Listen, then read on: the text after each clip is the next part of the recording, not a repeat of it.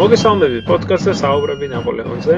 მე გახლავართ ალექსანდრე ნიკაბერიძე და დღეს ჩემო მეგობრებო არის 2020 წლის 15 აგვისტო.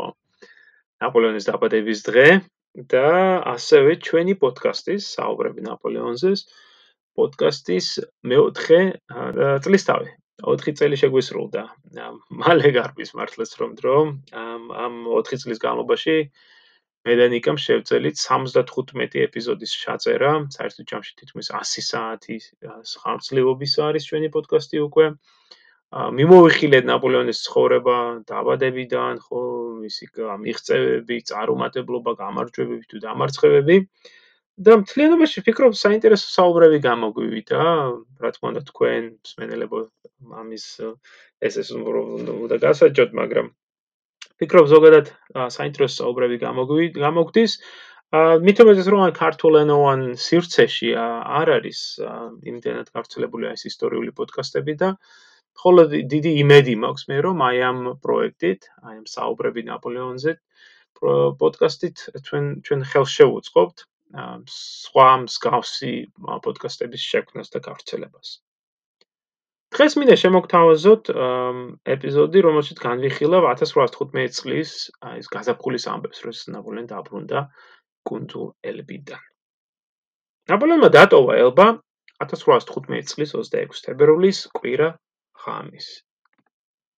მისი ესკადრა თუ მას შეიძლება უწოდოთ ეს დიდებული სიტყვა ესკადრა, შედგებოდა მხოლოდ ერთი სამხედრო გემისგან, ინკონსტანტი, რომელიც 300 ტონიანი ტონაჟობის იყო და 8 მცირე ზომის კატარღასგან, რომელთაგან ყველაზე დიდი დაახლოებით 80 ტონის ტონაჟობის იყო. ამ გემებზე საერთოდ ჯამში იყო 118 პოლონელი მხედარი, თუმცა მათ ცხენები არ ყავდათ. 300-მდე კორსიკელი მებრძოლი, 50 ჟანდარმი, 600-ზე ცოტა უფრო მეტი ძველი გვარდიელი დაახლოებით 80 სამოქალაქო პირი საერთო ჯამში ნაპოლეონს თან გაყვა ამ მხოლოდ 1142 კაცი.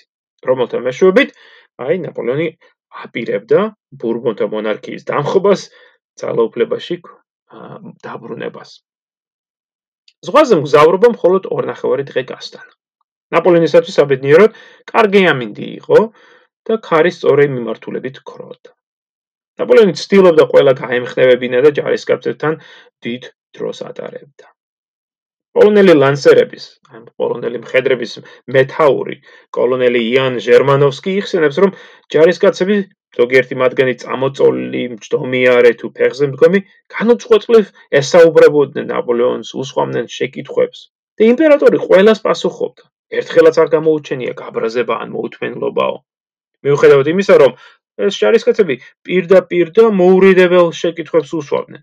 ეკითხებოდნენ სხვა სხვა პიროვნებაზე, მეფეზე, მარშალზე თუ მინისტრზე მის პირად მოსაზრებას. ასევე განიხილავდნენ მისი სამხედრო კამპანიების, საშინაო პოლიტიკის დეტალებს.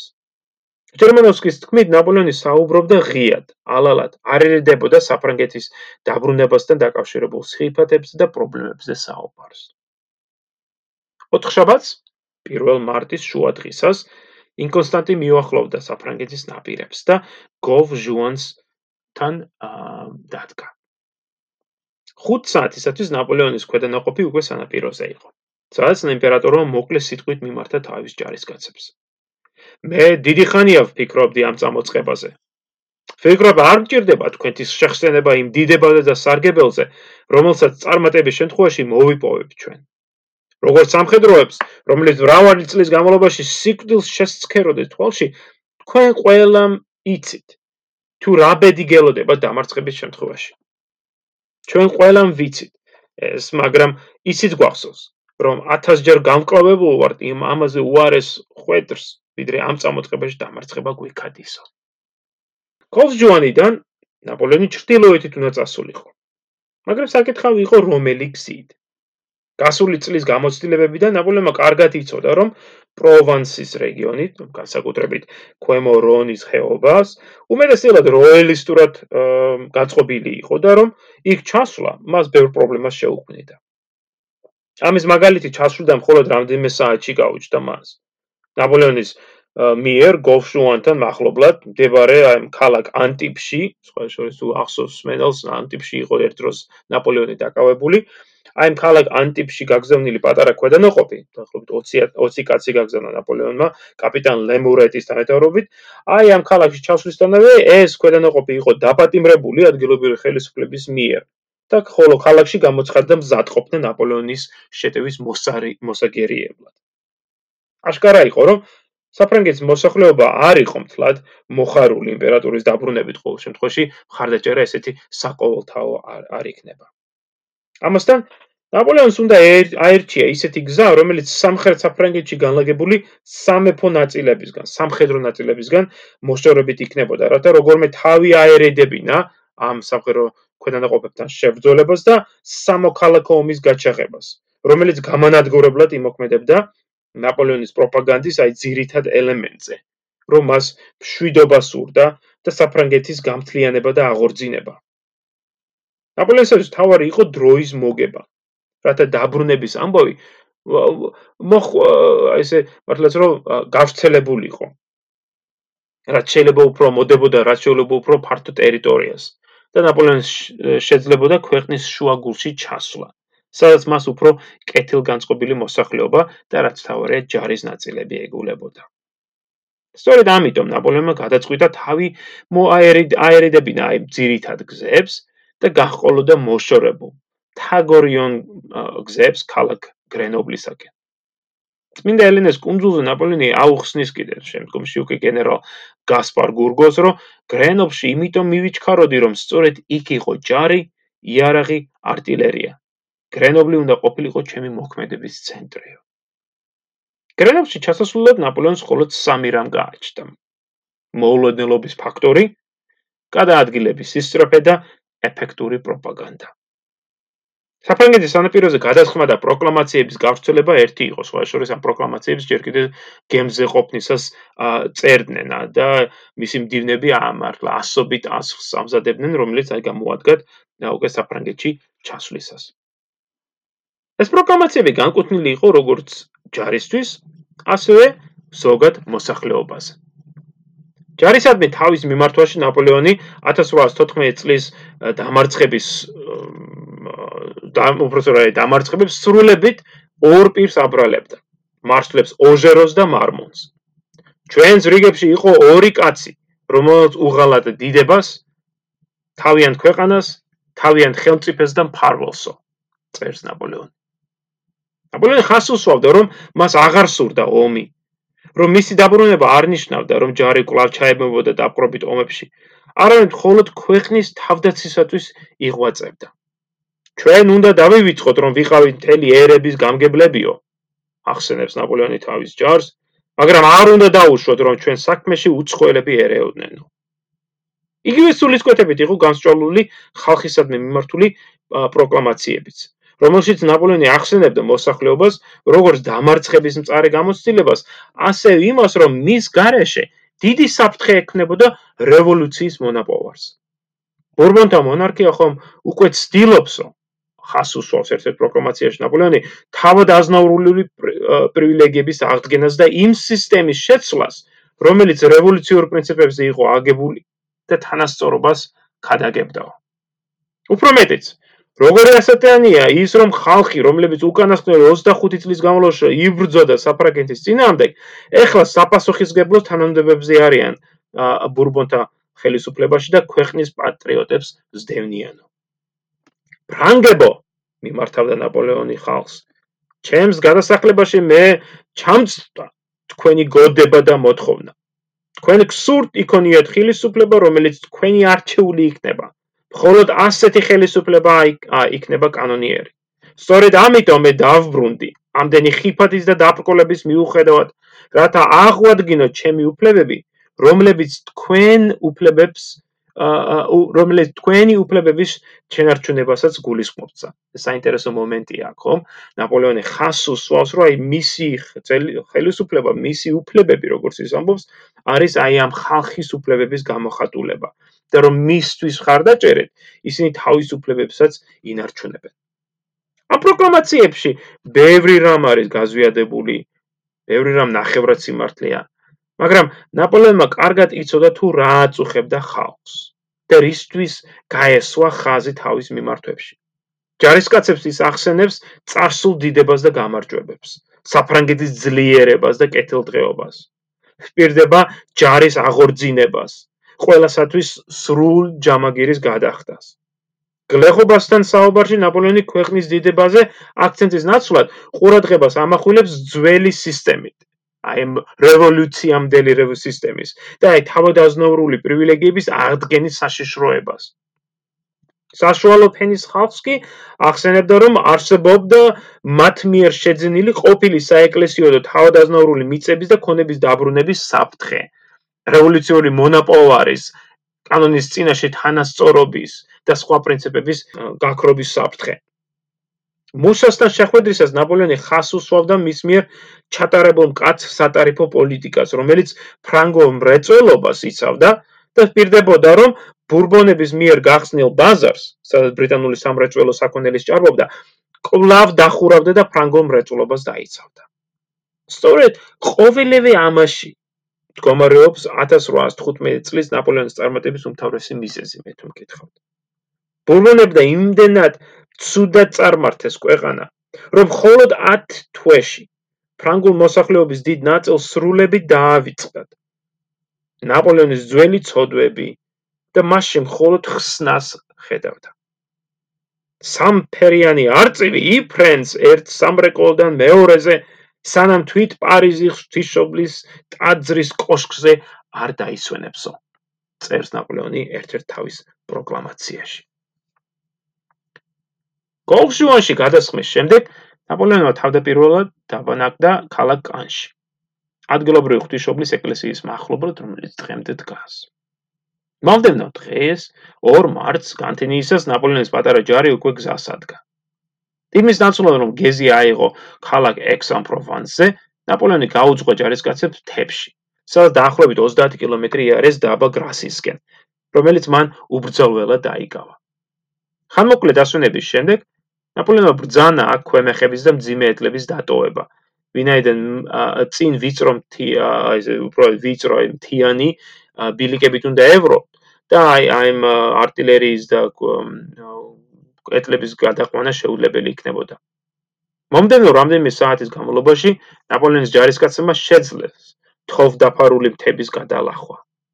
მათ მიერ განვლილი გზა დღეს ცნობილია როგორც ღუტ ნაპოლეონ საფრანგეთის ხელისუფლების მიერ 1934 წლიდან ოფიციალურად აღიარებული სატურისტო მარშრუტი ნაპოლეონის გზა, რომელიც სამხრეთ საფრანგეთში ჩასვლისას ნებისმიერ თვენთაგან შეუძლია გაიაროს. გზაზე არსებული სოფლებში, ქალაქებში, თვით გზაზეც საგანგებოდ არის წარმოჩენილი ის ადგილები, სადაც ნაპოლეონმა გამოიარა ან დაისვენა პირველი სერიოზული საფრთხე ნაპოლეონს შეექმნა დაბა დინი ლებანთან, სადაც განლაგებული იყო სამეფო ნაწილები გენერალ ნიკოლა ლოვერდოს მეთაურობით. ლოვერდო აპირებდა ქალაქის დაცვას, მაგრამ მალევე მიხვდა, რომ ჯარისკაცებთან აი უპროსორეთ მისი ჯარისკაცების უმეტესობა არ უჭერდა მას ხარს და და რომ ადგილობრივ მოსახლეობას ნამდვილად არ სურდათ ქალაქში სისხლიანი შეტაკების ნახვა. ამიტომ გენერალი იძულებული იყო გაეყვანა ნაწილები და ჩრდილოეთით წასულიყო. იმავე დღეს 4 მარტს ნაპოლეონმა დაიკავა ეს დაბა და ღამე გაატარა მის მახლობლად მდებარე სამსართულიან ძალიან ლამაზ შატო მალიჟაიში რომლის შესასრულელს დღეს ამშვენებს წარწერა ნაპოლეონმა აქ გაატარა ღამე. მომდენო დღეს 5 მარტს კვირას ნაპოლეონი გაუდგა გზას და ცოტა ხნით შეჩერდა სოფელ ვოლონში, სადაც სავსებით შესაძლებელი იყო მისი შეჩერება, დამარცხება, ტყვეთაყვანა. სოფლიდან გამავალი გზა გადიოდა მდინარე დუღანზე, არსებულ ერთადერთ ხიდზე, რომელსაც აკონტროლებდა სისტერონის ციხე-დარბაზი. ამ ხადის განადგურების შემთხვევაში ნაპოლეონის ჩრდილოეთით წასვლა აღარ შეიძლებოდა და ის იძულებული იქნებოდა თითქმის 60 კილომეტრიანი შემოვლითი გზით წასულიყო. მაგრამ ხიდის განადგურების ნაცვლად ადგილობრივი ხელისუფლება ზარზეიმით შეხვდა იმპერატორს, კარგი სადილით კავმასპილდს და მას და ფაქტურად ხელი შეუწყო მის წინსვლას.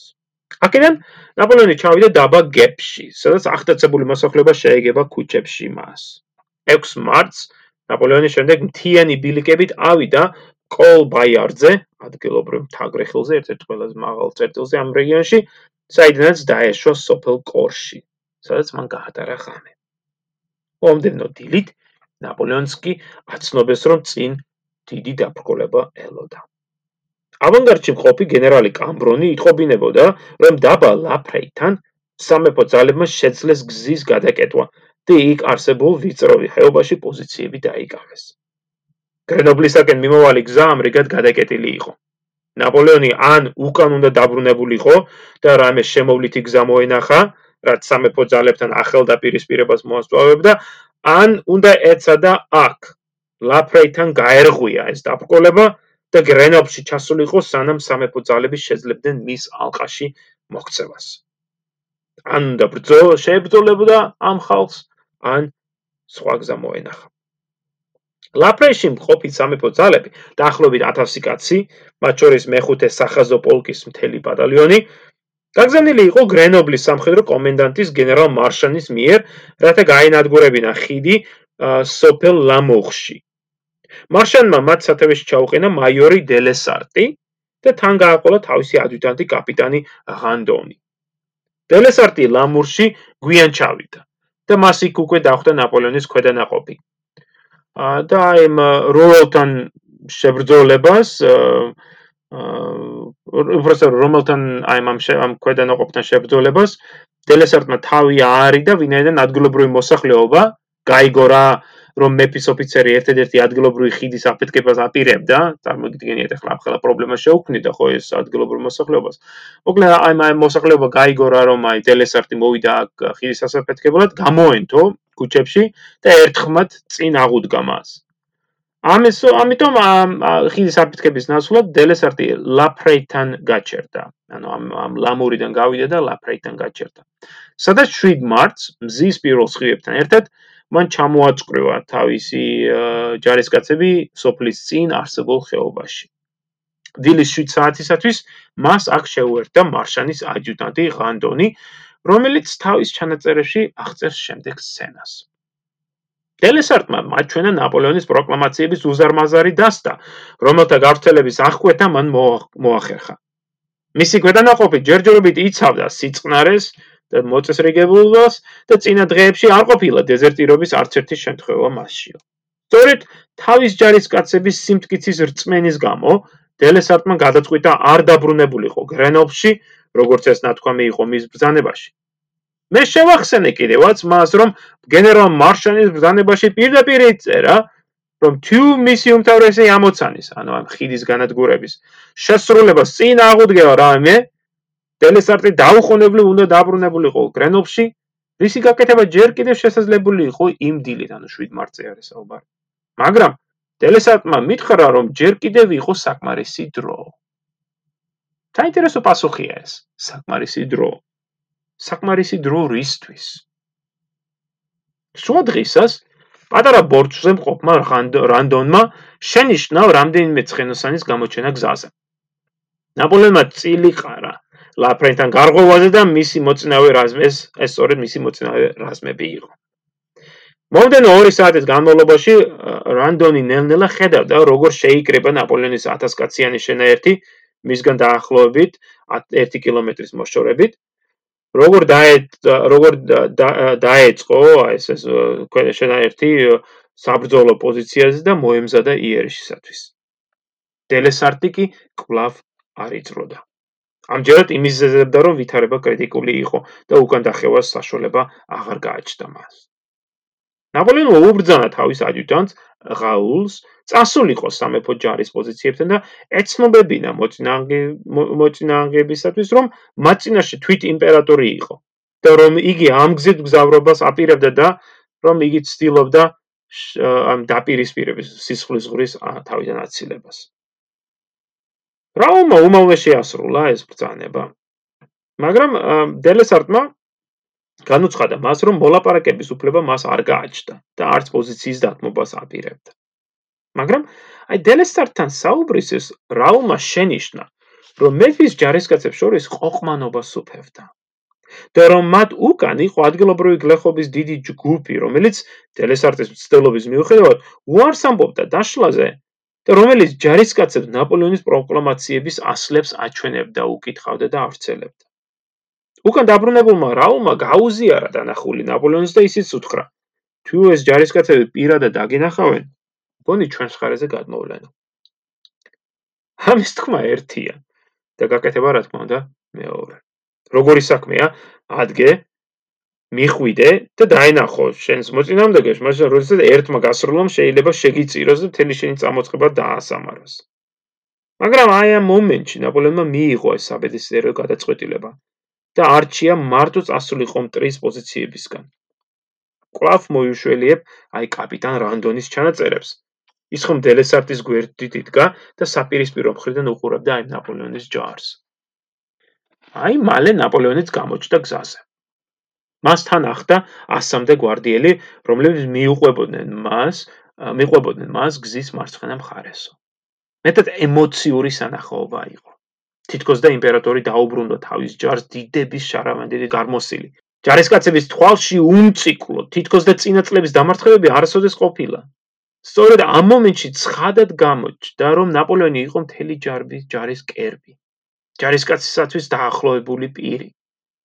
ყოველას თავში გვიტრიალებდა ემოციების კორიენტელი. გული ამოვარდნაზე ქონდა. გონი არასოდეს სამხედრო დისციპლინა არ ყოფილა გამოცდილი ასეთი გზითო.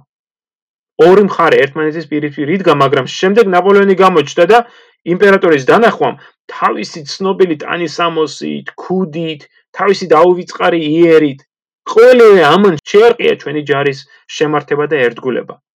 თუ ადგამდე ჯარისკაცები ჩუმად იდგნენ, მოულოდნელად ხმები გაისმა მათში. ერთმა დაარღვია სიჩუმე და ხმამაღლა დაიწყო ძველი ომების ამბების გახსენებაო. მას მეორე მიყვა, რომელიც საუბრობდა თუ რას განიცდიდა ის იმ წამს. დაინახა რა ჯარისკაცებს შორის ასეთი ხოხმანი, რანდონი მიუბრუნდა დელესარს და დაუყოვნებლივ ურჩია უკან დახევა ბრძანე, სანამ გვიანი არ არისო. მაგრამ მასთან საუბრისას აღნიშნავს კაპიტანი პირველად მიხვდი თუ რაოდენ დიდი ბრძოლა მიმდინარეობდა დელესარტის გულში აშკარა იყო რომ თვით მაიორსაც არ ქონდა გარკვეული რომლის ხარეზე სურდა მას ყოფნა იმპერატორის თუ მეფის ამასობაში წუთები გადიოდა და უკვე შუა დღის 2 საათი ხდებოდა ნაპოლეონის მხრიდან მხედარი გამოჩნდა რომელიც მიუახლოვდა მეხუთე პოლკის პოზიციას და დაახლოებით 25 ნაბიჯის მანძილიდან შეხკვირა მეფის ჯარისკაცებს. ჯარისკაცებო! ვინაიდან თქვენ არ გსურთ იმპერატორთან მისვლა, იმპერატორი თვითონ გეახლება თქვენ. მისი გვარდიელები არ აპირებენ ცეცხლის გახსნას და თოფები მარცხენა ხელში ეჭირებათ. თუ თქვენ გახსნით ცეცხლს, თქვენ უეჭვლივ მოკლავთ იმპერატორს. მაგრამ შემდეგ თქვენ აგებთ პასუხს ამისათვის მთელი ქვეყნის წინაშეო. რანდონი, რომლის წინაშე დატრიალდა ეს სცენა აღნიშნავს. აგერ უკვე 20 წელი გავიდა ამ ამბების შემდეგ, მაგრამ მე დღემდე ცხადად მახსოვს ეს სიტყვები. და რთულად გადმოსაცემია ის შინაგანი აფორიაკება, რომელიც ამ სიტყვებმა გამოიწვიეს ჩემში.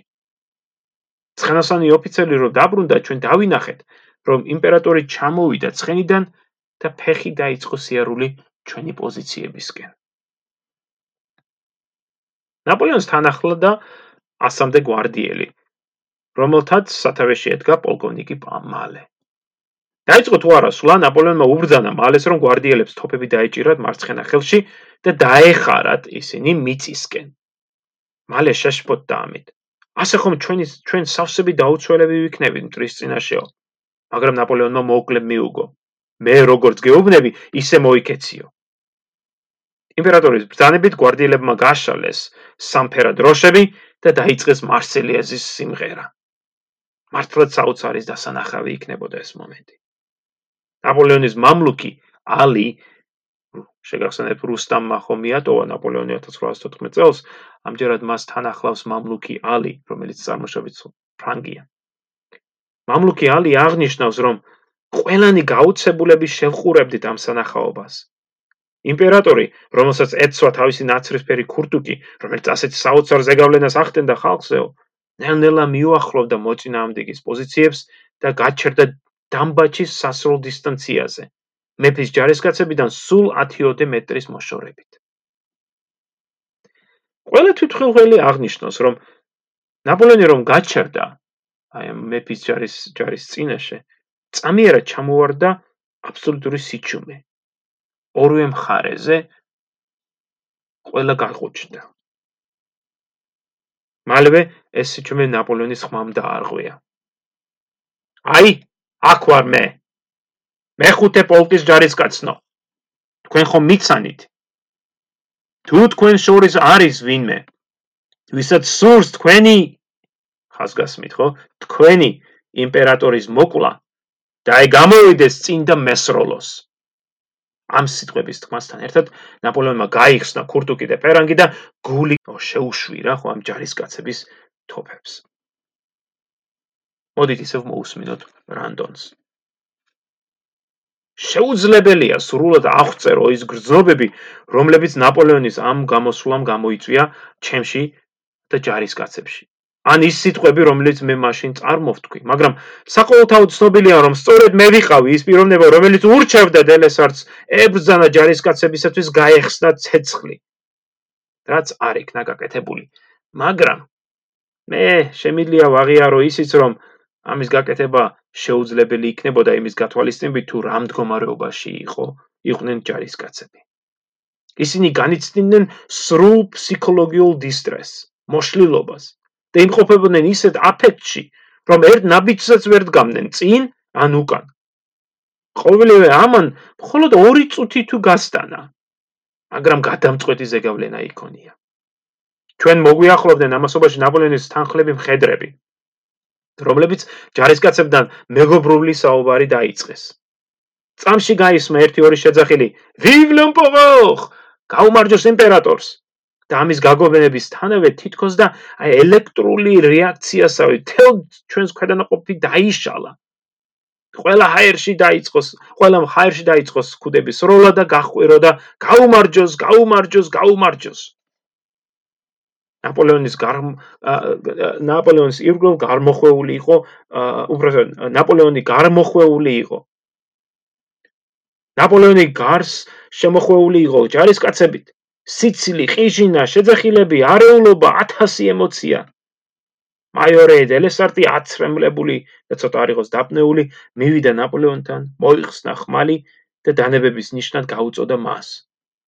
მაგრამ იმპერატორმა უარი თქვა ხმლის მიღებაზე, რამაც სიხარულიზე შეძახილების ახალი ტალღა გამოიწვია. მართლაც საოცარი მომენტია. რთულია მოძებნო სხვა ისტორიული მოვლენა, რომელიც ლაფრეიტთან დატრიალებულ ამბავს შეედრება. ლაფრეის მნიშვნელობა მდგომარეობს იმაში, რომ აქ შეიძლება დატრიალებული იყოს სისხლიანი დაპირისპირება, რომელიც სავსებით განადგურებდა ნაპოლეონის მიერ აი სათუთად შექმნილ იმ წარმოდგენას, რომ მას საყოველთაო მხარდაჭერა აქვს და რომ ის ხელისუფლებაში ხალხის და ჯარის მხარდაჭერით ბრუნდება. ერთი გასროლა. მხოლოდ ერთი გასროლა იყო საკმარისი, რათა ნაპოლეონის ცხოვრება დასრულებულიყო. მაგრამ ამის ნაცვლად ამ ერთის ადამიანის გამოჩენამ საოცარი შედეგი გამოიღო. წამიერად, აი მართლაც წამიერად, ჯარისკაცებმა მიიღოს საბედის მიიღეს აი საბედისწერო გადაწყვეტილება. განუდგნენ მეფის ხელისუფლებას და ყოველგვარი წინააღმდეგობის გარეშე გადავიდნენ ნაპოლეონის ხარეს. მაინც რამდენ რამის რამხელა მომენტი არის, რამხელა სტრესი არის ჯარისკაცსაც, როდესაც გახარ იქ და აი წამიერად უნდა გააკეთოს არჩევანი. ან ხელისუფლების მომხრე რჩები, ან გადადიხარ ამ კაცის ხარეზე. და ამ კაცის ხარეზე მე ღმერთმა იცის რა იქნება, ხო? აი სწორედ აი ამ მომენტმა, აი ამ ჯარისკაც ჯარის გადასვლამ ნაპოლეონის ხარეზე ერთი გასროლის გარეშე სწორედ აი ამანის იქონე გადამწყვეტი როლი ნაპოლეონის დაბრუნების წარმატებით დასრულებაზე. ლაფრეის ამბავი მალევე მოედო ქვეყანას და ხელი შეუწყო სხვა შენაერთების იმპერატორის ხარეზე გადასვლაში. იმოვე საღამოს დაბა ვიზილში მეშვიდე სახაზო პოლკი გასროლის გარეშე განუდგა მეფეს. ხოლო 11 საათისათვის იმავე დღის 11 საათისათვის აღამოს, როდესაც ნაპოლეონი მიუახლოვდა ქალაქ გრენობლს, ადგილობრივი მოსახლეობა გამოვიდა ქალაქის ქუჩებში, დაამსხრია ქალაქის კარიბჭე და საზეიმოდ მიართვა ნაპოლეონს დაამსხრეული კარიბჭე თავისი ერთგულების ნიშნად. კანიდან გრენობლამდე მსვლელობისას მე ვიყავი ფატერაკების მაძიებელი. აი გრენობლში კი კლავ ხელმწიფედ მოვევლინე ქვეყანასო. აღნიშნავდა ნაპოლეონის შემდგომში. მას კარგად ესმოდა თუ რა დიდი მნიშვნელობა ჰქონდა მის ყველა ნაბიჯს. ყველა გადაწყვეტილებას. როგორი ჭრუმანიც არ უნდა ყოფილიყო ის. ნაპოლეონი ხომ აწარმოებდა აი არნახულ PR, ხო აი public relations როსაც უძახენ PR კამპანიას. მართლა ეს თანამედროვე მიდგომით. და აი ხალხის გულის მოსაგებად ყველა ჭრუმანი იყო მნიშვნელოვანი მისთვის. მაგალითად გრენობლის ხელისუფლებამ შესთავაზა მას აი 11 მარტს გაეტარებინა ღამე მერის სახლში. აბა სხვა პიროვნება დათანხმდებოდა ხო? ასობით კილომეტრი გამოიარა უკვე მან ზღვიდან თაგორიან ადგილებში და აი პირველი დიდი ქალაქი არის და ალბათ რატომაც არა დავისვენებ მერის სახლში, მაგრამ არა.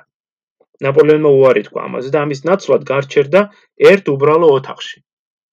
ნომერ 2 ოთახში. ოტელ ლეტყვადოფანში. რომლის პატრონი იყო იტალიაში და ევროპაში ლაშქრობების ვეტერანის შვილი. აი ამ გადაწყვეტილებით ნაპოლეონი ხას უსვავდა თავის უბრალოებას, ხალხთან სიახლოვეს, უშუალობას და ასევე კონტრასტს ხო ავლებდა აი ბურბონთა მონარქიასთან. გრენობლიდან ნაპოლეონი დაიძრა ქალაქ ლიონისკენ, სადაც იგი კვლავ უბრძოლველად შევიდა 10 მარტის საღამოს. აღსანიშნავია რომ ამჯერად იგი გაჩერდა ადგილობრივი ეპისკოპოსის სასახლეში სადაც იმ დღის დილამდე ცხოვრობდა მეფის ძმა არტუას თავადი მომავალში მეფე შარლ მეათე. ამასაც სიმბოლური დატვირთვა ჰქონდა აი გაჩერება ამ ეპისკოპოსის სასახლეში ხო? დილით ამ სასახლეში ბურბონი საუზმობდა ხოლო საღამოს უკვე ნაპოლეონი ისვენებდა. მეორე დილით ნაპოლეონმა ჩაატარა სამხედრო აღლუმი, რათა შეემოწმებინა მის ხარეზე ახლად გადმოსული ნაწილები. აქაც ვხედავთ მის მიერ აი კარგად გათვლილ ფსიქოლოგიურ მიდგომას. საფრანგეთში იგი ხომ მხოლოდ 11 დღის წინ დაბრუნდა. ჯერ კიდევ გაურკვეველი იყო რა ბედი ელოდა მას. სხვა კაცი მის ადგილზე შეეცდებოდა ჯარის გულის მოგებას, ჯარისკაცების შეკებას, რაღაც შეღავათების გაწევას ხო ამ სამხედრო მიმოხილვის დროს. ამის ნაცვლად სამხედრო ამ აღლუმის დროს ნაპოლეონმა ძველი წესისამებრ კაცრად შეამოწმა ქვედანაყოფები და ერთ-ერთი მათგანი გაკიცხა კიდევაც ცუდი მარშირების გამო. ამან დიდი ეფექტი იქონია ხალხზე, შემდგომში აღნიშნავდა ნაპოლეონი. ჩემმა საქციელმა ცხადყო, რომ მე მზად ვიყავი კლავინდებურად მემართა და გავძღოლოდიო. ნაპოლეონის დაბრუნების ამბავმა პარიზში ჩახტია 5 მარტის შუა დღეს. ბურბონთა ხელისუფლება გაოგნებული იყო ამ ცნობით და ორი დღის განმავლობაში უმალავდა მას მოსახლეობას. ამასობაში მეფე ლუდოვიკო და მისი ministrები ჭობდნენ რა მოემოქმედათ. სწორედ ამ დროს 6 მარტს თავის მამულში მყოფმა მარშალმა მიშელ ნეიმა მოულოდნელი წერილი მიიღო. მარშალი სულტი, რომელიც იმჟამად მეფის სამხედრო ministrად მუშაობდა, მას დაუყოვნებლივ პარიზში დაბრუნებას სთხოვდა. მეორე დღეს ნეის სულთანს შესახვერად მიდიოდა, როდესაც თავის ნაცნობ ადვოკატს შეხვდა და ნაპოლეონის დაბრუნების გამაოგნებელი სიახლე შეიტყო. იმავე საღამოს სულთმა ნეი წაიყვანა მეფესთან. და მეფესთან შეხვედრისას ნეიმა თავისი ერთგულების შერფიცა ლუდოვიკოს და პირობა მისცა, ხო, სახელგანთქმული პირობა, რომ ნაპოლეონს რკინის გალიაში ჩასმულს ჩამოიყვანდა პარიზში.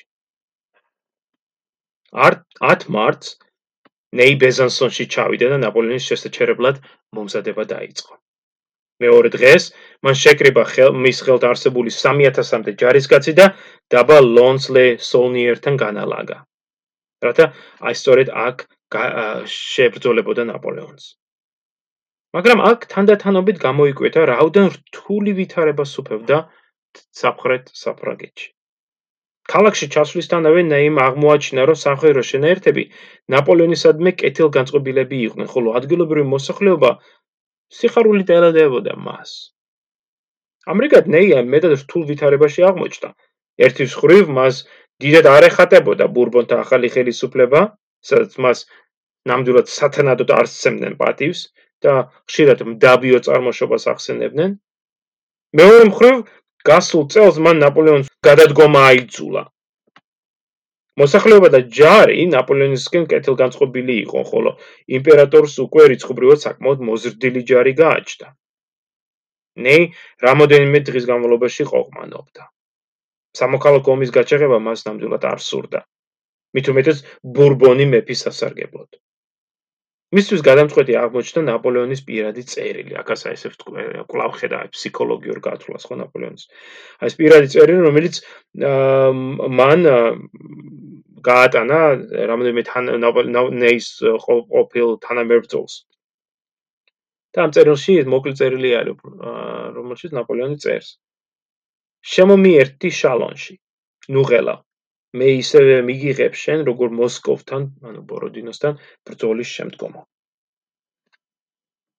14 მარტის დილას ნეიმ შეკრება თავის მეომრები და სიტყვით მიმართა მათ. ოფიცრებო და ჯარისკაცნო, ბურბონთა საქმე სამუდამოდ წასულია. განაცხადა მან და ჯარისკაცების ჭექარე გაუმარჯოს იმპერატორს შეეგება სანაცვლოდ. კანონიერი დინასტია, რომელიც ფრანგულმა ერმა შეითვისა, კვლავ უბრუნდება თავის ტახტს.